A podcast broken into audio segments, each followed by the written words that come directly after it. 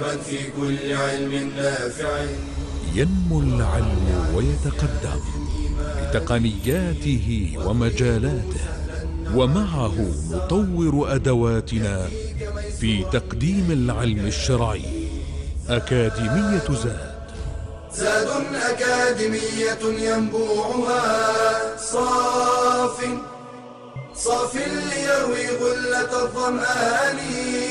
هذا كتاب الله روح قلوبنا.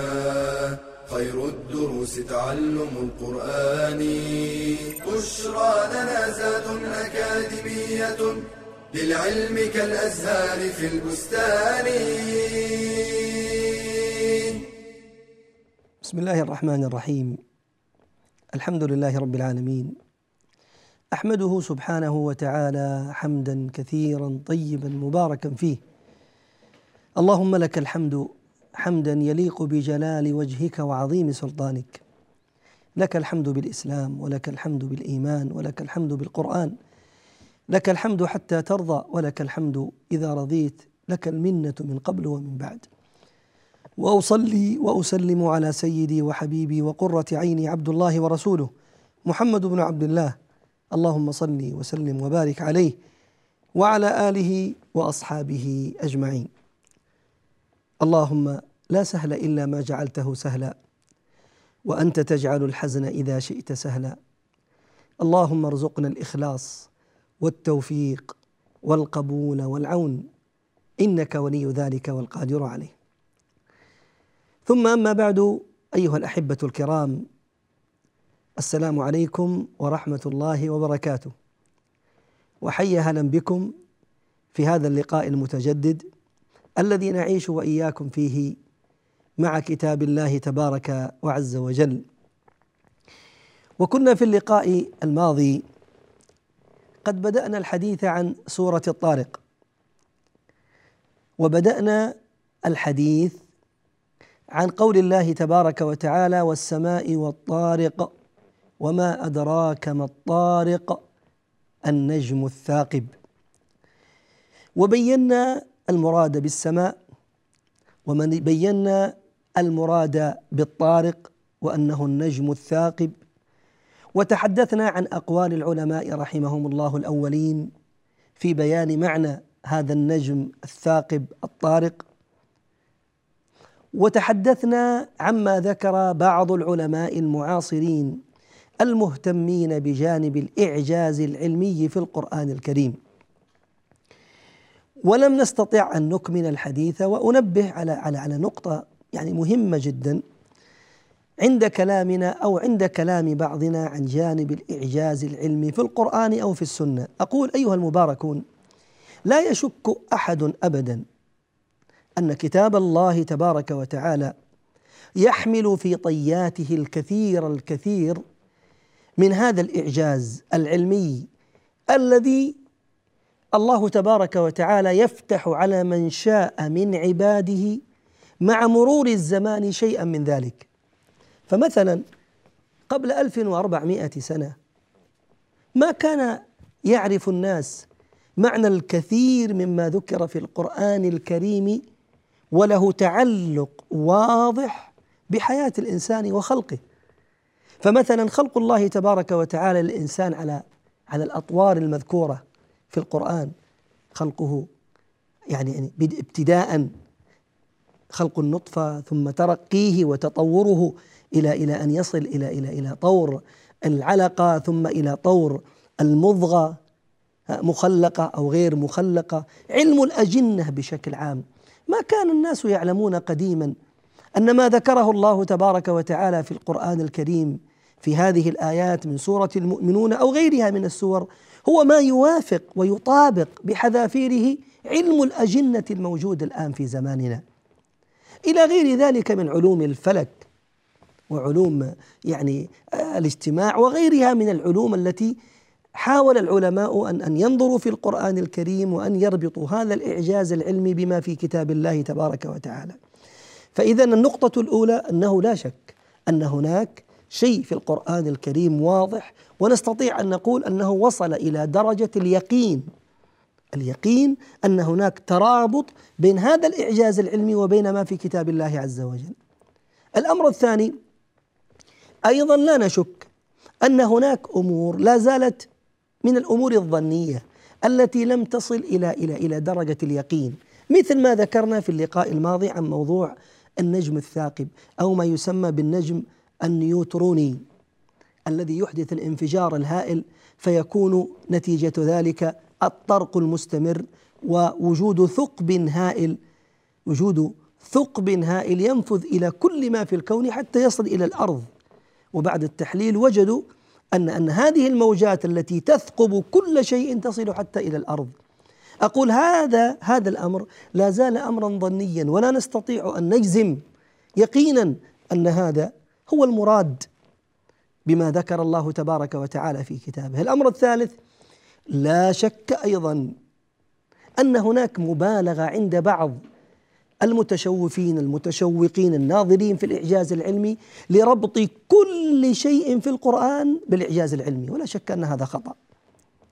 لأن بعض الأمور العلمية بعض الأمور العلمية لم تصل أصلا علميا إلى درجة اليقين.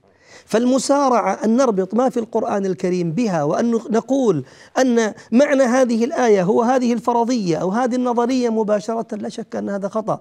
تخيل مع مرور الأيام يثبت خطأ ذلك الأمر الذي ذكر علميا. إذا أنت تخطئ كتاب الله عز وجل. فهذا التسرع وهذا التشوف إلى ربط كل شيء وتفسير كل شيء في كتاب الله على وجه الإعجاز العلمي أيضا من الخطأ. والوسطية هي الصواب.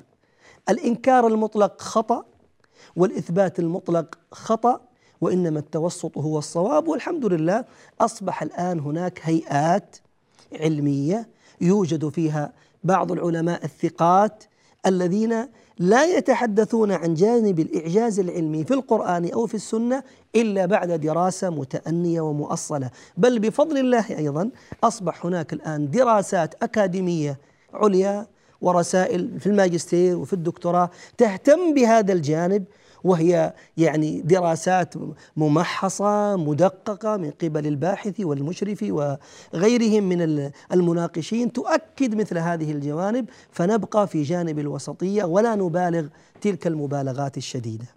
أرجو أن يفهم هذا الكلام وألا يؤخذ كلامي في الحلقة الماضية على إطلاقه.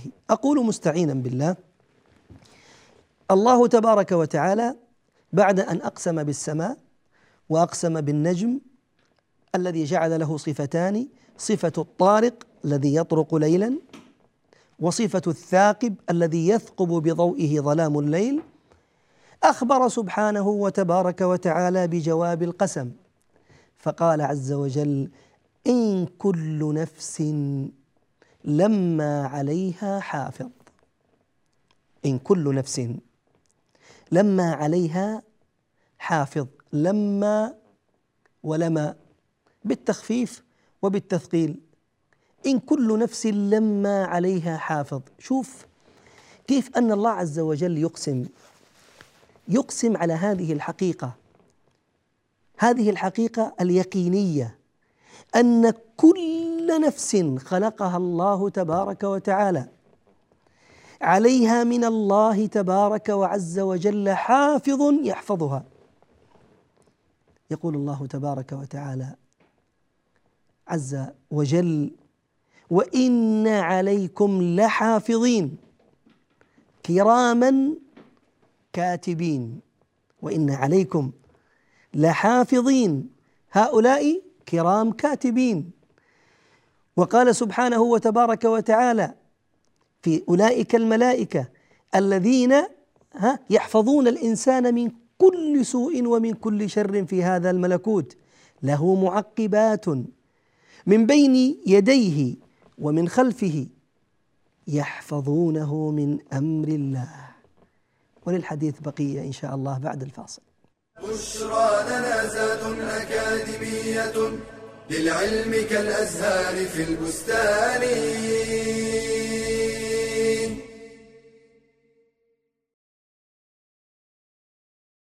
يا أيها الذين آمنوا توبوا إلى الله توبة نصوحا. عسى ربكم أن يكفر عنكم سيئاتكم ويدخلكم جنات تجري من تحتها الأنهار. فالتوبة ممحات الذنوب وسبيل المغفرة والرحمة بها تتنزل البركات. وتبدل السيئات إلى حسنات. قال ابن القيم رحمه الله تعالى التوبة من أفضل مقامات السالكين لأنها أول المنازل وأوسطها وآخرها فلا يفارقها العبد أبدا ولا يزال فيها إلى الممات. وإن ارتحل السالك منها إلى منزل آخر ارتحل بها ونزل بها فهي بداية العبد ونهايته. وحاجته إليها في النهاية ضرورية كما حاجته إليها في البداية كذلك. وحكم التوبة أنها واجبة على الفور من جميع الذنوب والمعاصي. قال النووي رحمه الله واتفقوا على أن التوبة من جميع المعاصي واجبة على الفور ولا يجوز تأخيرها سواء كانت المعصية صغيرة أو كبيرة. وللتوبة الصادقة شروط. أهمها أن تكون خالصة لله تعالى فإن الله لا يقبل من الأعمال إلا ما كان خالصا لوجهه. ترك الذنب والإقلاع عنه بالكلية. ندم القلب على ارتكاب الذنب.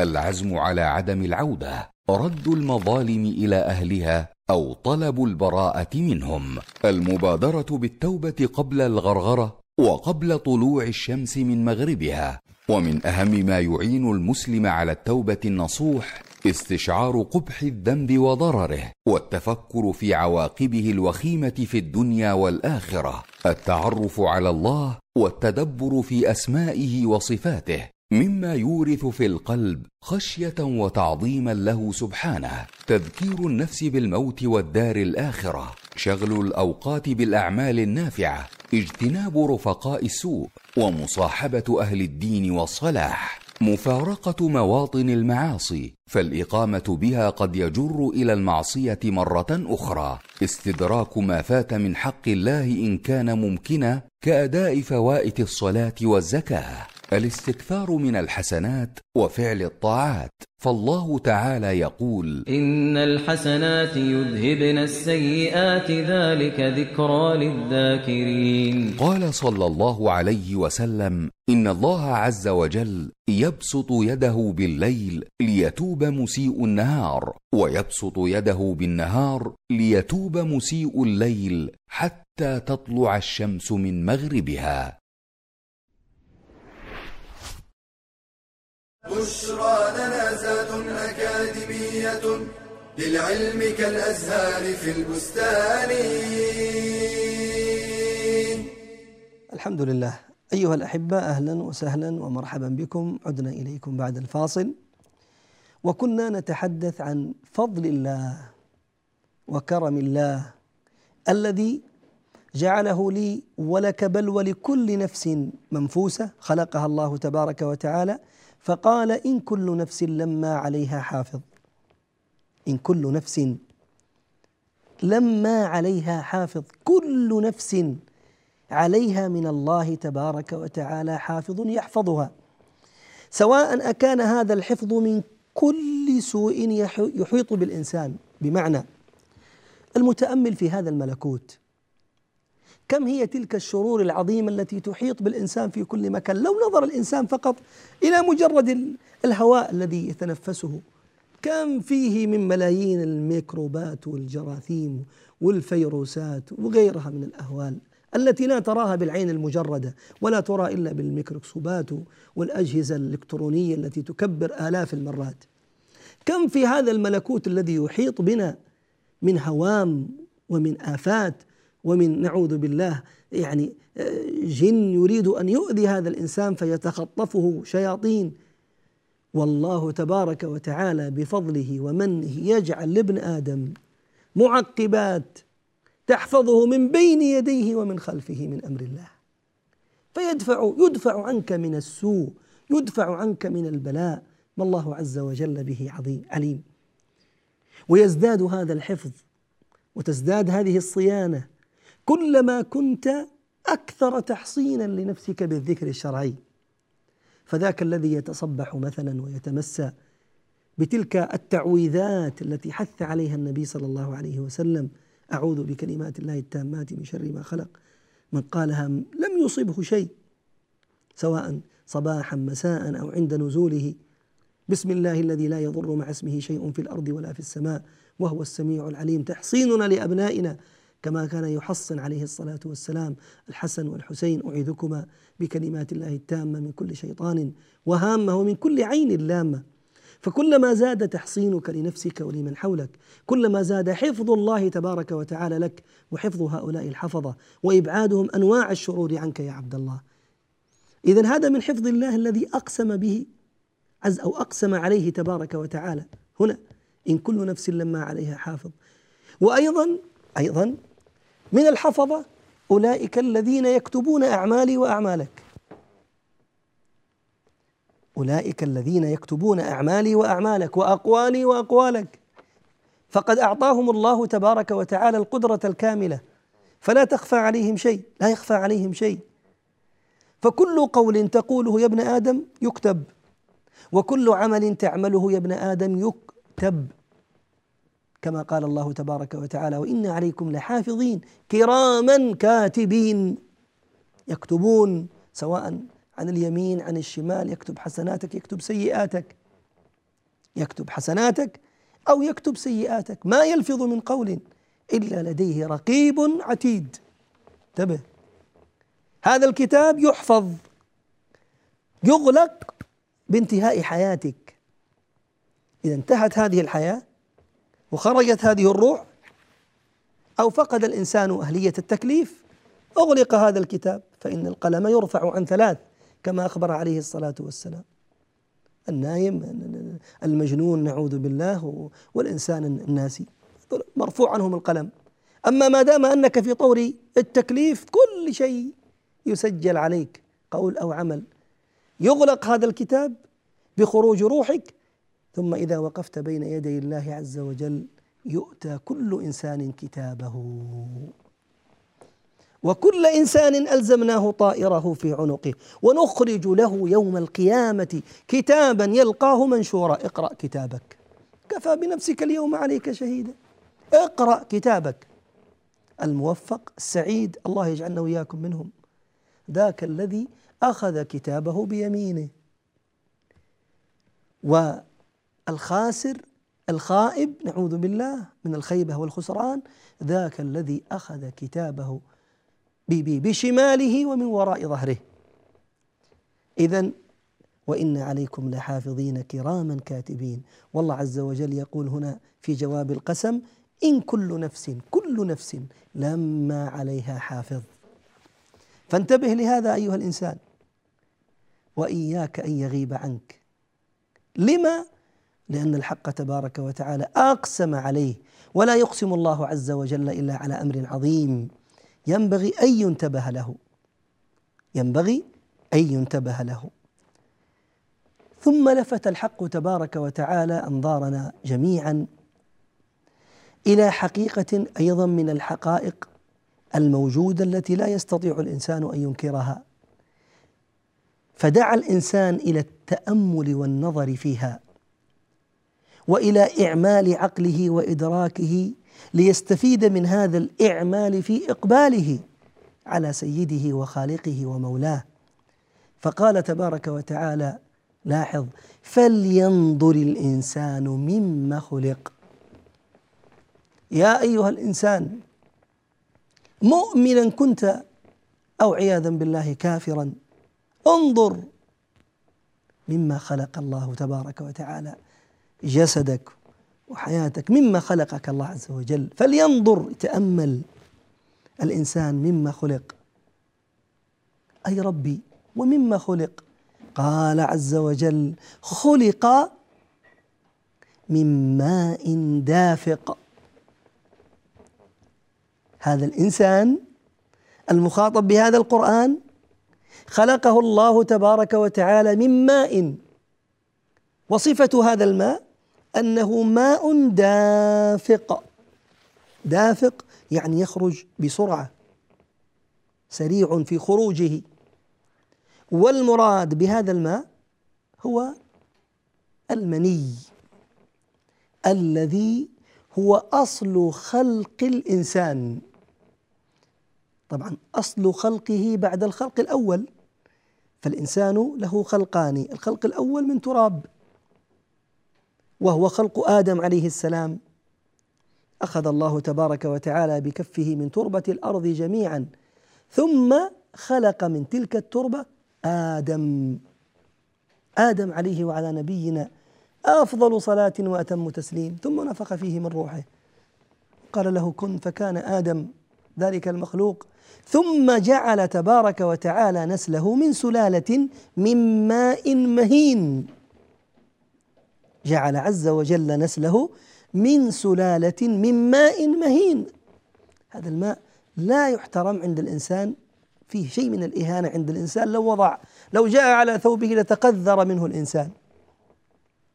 ولهذا لما وقف أحد الوعاظ أمام ملك من الملوك وقال له عظني قال أيها الملك تفكر في نفسك. فإن أولك نطفة مذرة.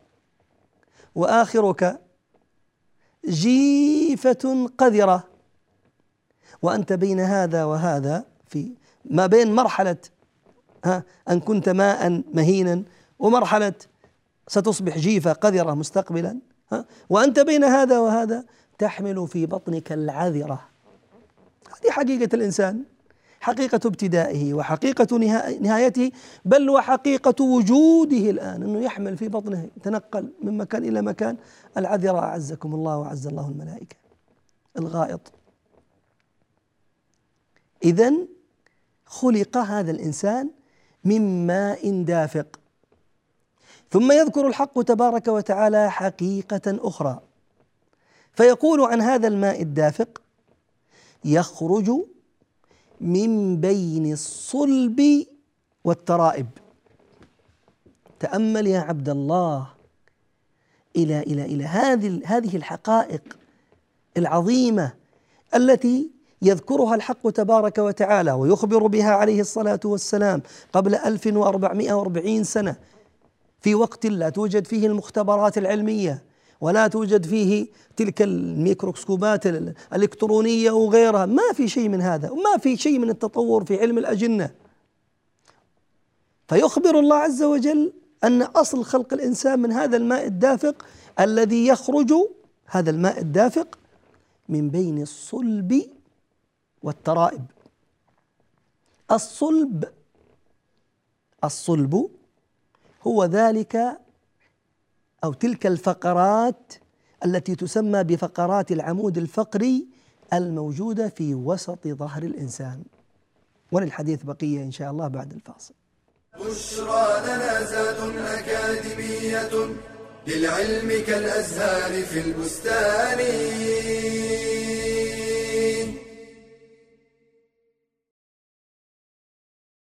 الملائكة خلق من عباد الله خلقهم عز وجل من نور وأوجدهم لعبادته وطاعته فبحمده يسبحون ولأوامره مطيعون. لا يعصون الله ما أمرهم ويفعلون ما يؤمرون.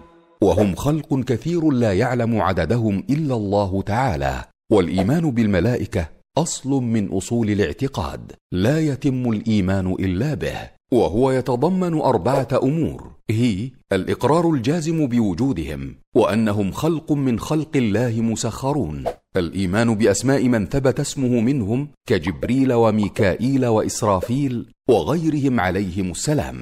الإيمان بأوصاف من ثبت وصفه منهم كما جاء في وصف جبريل عليه السلام بأن له ستمائة جناح قد سد بهم الأفق. الإيمان بأعمال من ثبت عمله منهم فجبريل عليه السلام موكل بالوحي وملك الموت موكل بقبض الأرواح وإسرافيل موكل بالنفخ في الصور وميكائيل موكل بالمطر. ومنهم الموكل بحفظ العبد في حله وترحاله وفي كل أحواله وهم المعقبات الذين قال الله في شأنهم. له معقبات من بين يديه ومن خلفه يحفظونه من أمر الله.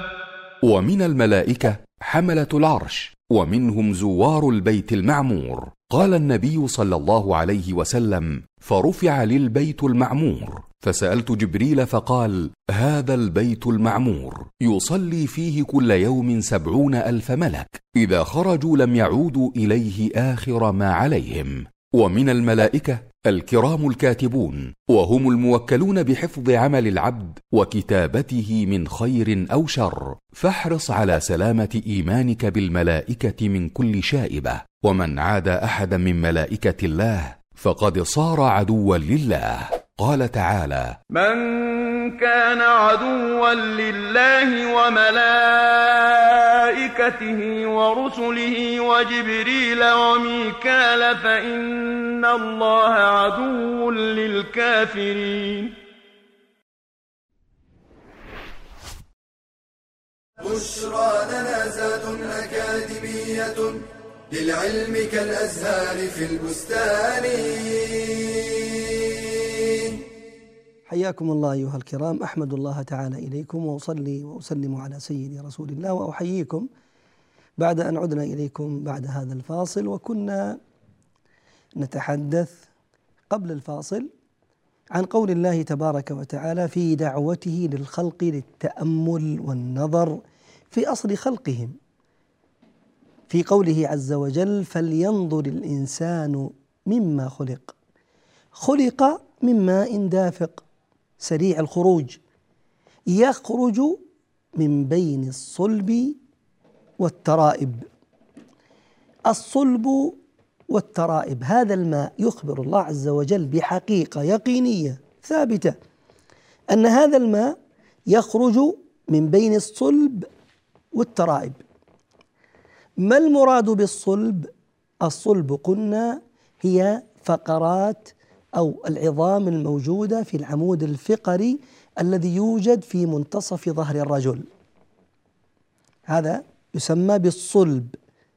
فماؤه يخرج هذا الماء تكونه وخروجه يمر منه. الترائب جمع تريبة والمراد بها العظام التي بين الترقوة عظام الصدر التي بين الترقوة الترقوتين العظام الموجودة التي يسميها بعض علماء التفسير موضع القلادة. شوف إذا لبست المرأة القلادة أين تكون؟ القلادة تقريبا في هذا المكان فهي موضع القلادة. هذا الماء الذي أخبر الله عز وجل أنه خلق منه الإنسان أخبر أنه يخرج من بين الصلب والترائب. هل المراد بهذا الماء والمراد بالصلب والترائب فقط ماء الرجل وأن ماء الرجل هو الذي يخرج من بين الصلب والترائب؟ بمعنى أن هناك منطقة ما بين صلب الرجل وما بين ترائب الرجل بينهما في المنتصف يمر فيها هذا الماء.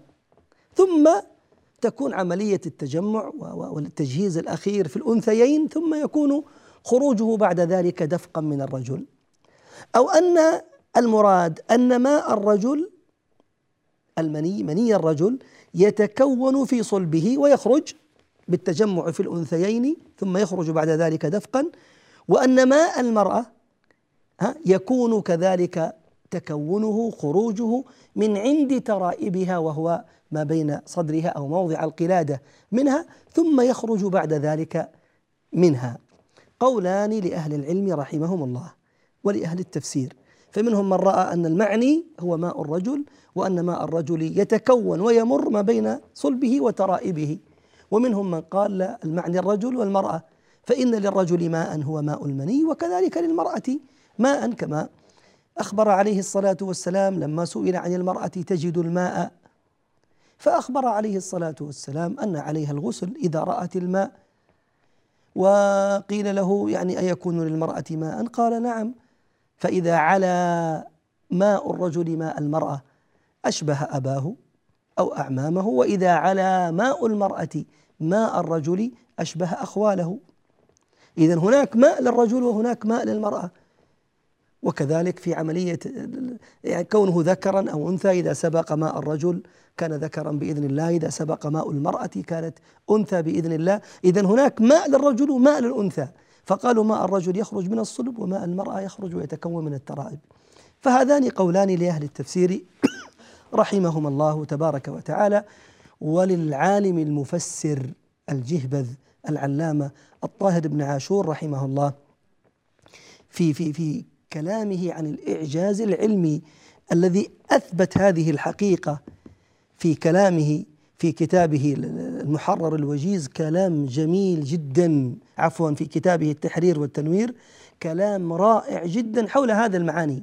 وحول بيان الإعجاز العلمي وتحقيق جميل جدا لكلام الأطباء في في في في في خلق الإنسان من الصلب ومن الترائب. فليراجع وليراجعه يعني طالب العلم وطالبة العلم ليزداد بإذن الله في كتاب التحرير والتنوير للإمام العلامة الطاهر بن عاشور رحمه الله رحمة واسعة.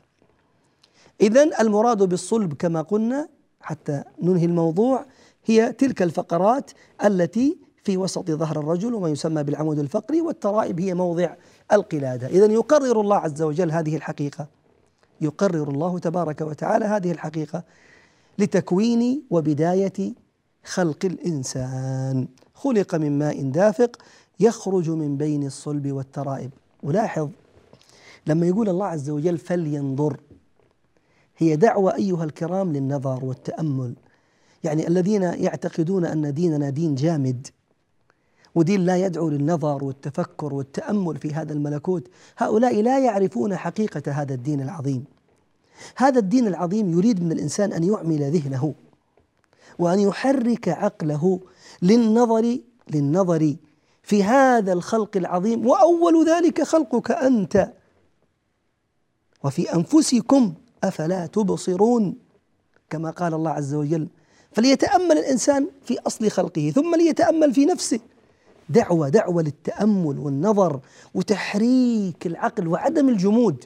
هذا ديننا. هذه شريعتنا.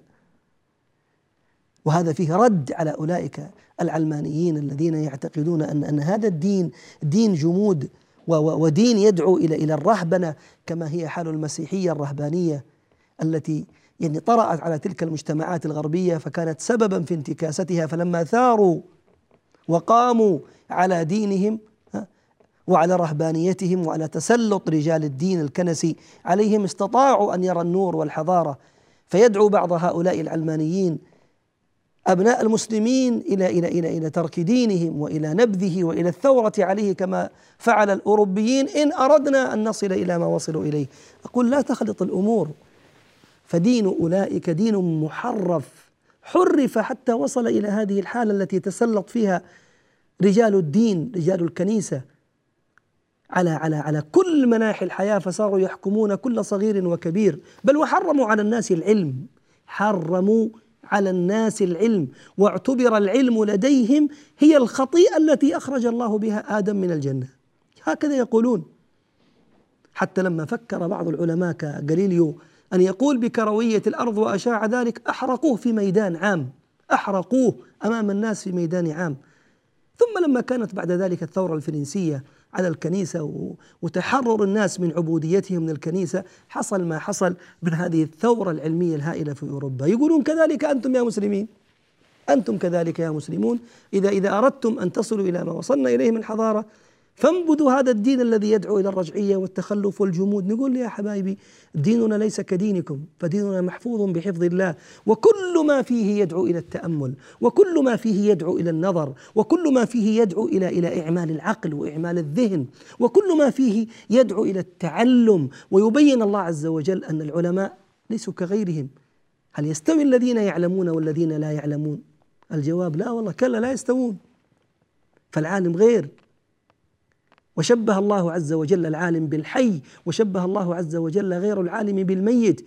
بل قال وقوله الحق إنما يخشى الله من عباده العلماء. فكلما ازداد الإنسان علما ازداد خشية. فليس الحال كما يذكر هؤلاء الذين يريدون ضرب هذا الدين في مفاصله وإبعاد أبنائه عنه ولله الحمد والمنة. بل هو دين النظر. فلينظر الإنسان مما خلق ثم يأتيك بهذه الحقائق التي يؤكدها العلم الآن تأكيدا رائعا جميلا. فلينظر الإنسان مما خلق. خلق من ماء دافق يخرج من بين الصلب والترائب ويؤكد العلم كما قلت هذه الحقائق بما لا يدع مجالا للشك ابدا. أسأل الله تبارك وتعالى بأسمائه الحسنى وصفاته العلى أسأله عز وجل باسمه الأعظم أن يعلمني وإياكم ما ينفعنا وأن ينفعني وإياكم بما علمنا. أسأل الله عز وجل أن يريني وإياكم الحق حقا ويرزقنا اتباعه ويرينا وإياكم الباطل باطلا ويرزقنا اجتنابه. اللهم يا معلم آدم علمنا ويا مفهم سليمان فهمنا. اللهم إنا نسألك أن تشرح صدورنا وأن تنير بصائرنا. وأن تثبت قلوبنا على دينك حتى نلقاك إنك على كل شيء قدير. وبالإجابة جدير. وصلى اللهم وسلم وبارك على عبده ورسوله محمد والحمد لله رب العالمين. يا راغبا في كل علم نافع متطلعا لزيادة الإيمان. وتريد سهلا النوال ميسرا يأتيك ميسورا بأي مكان. زاد زاد أكاديمية ينبوعها. صاف صاف ليروي غلة الظمآن. بشرى لنا بشرى لنا بشرى لنا. زاد أكاديمية للعلم كالأزهار في البستان.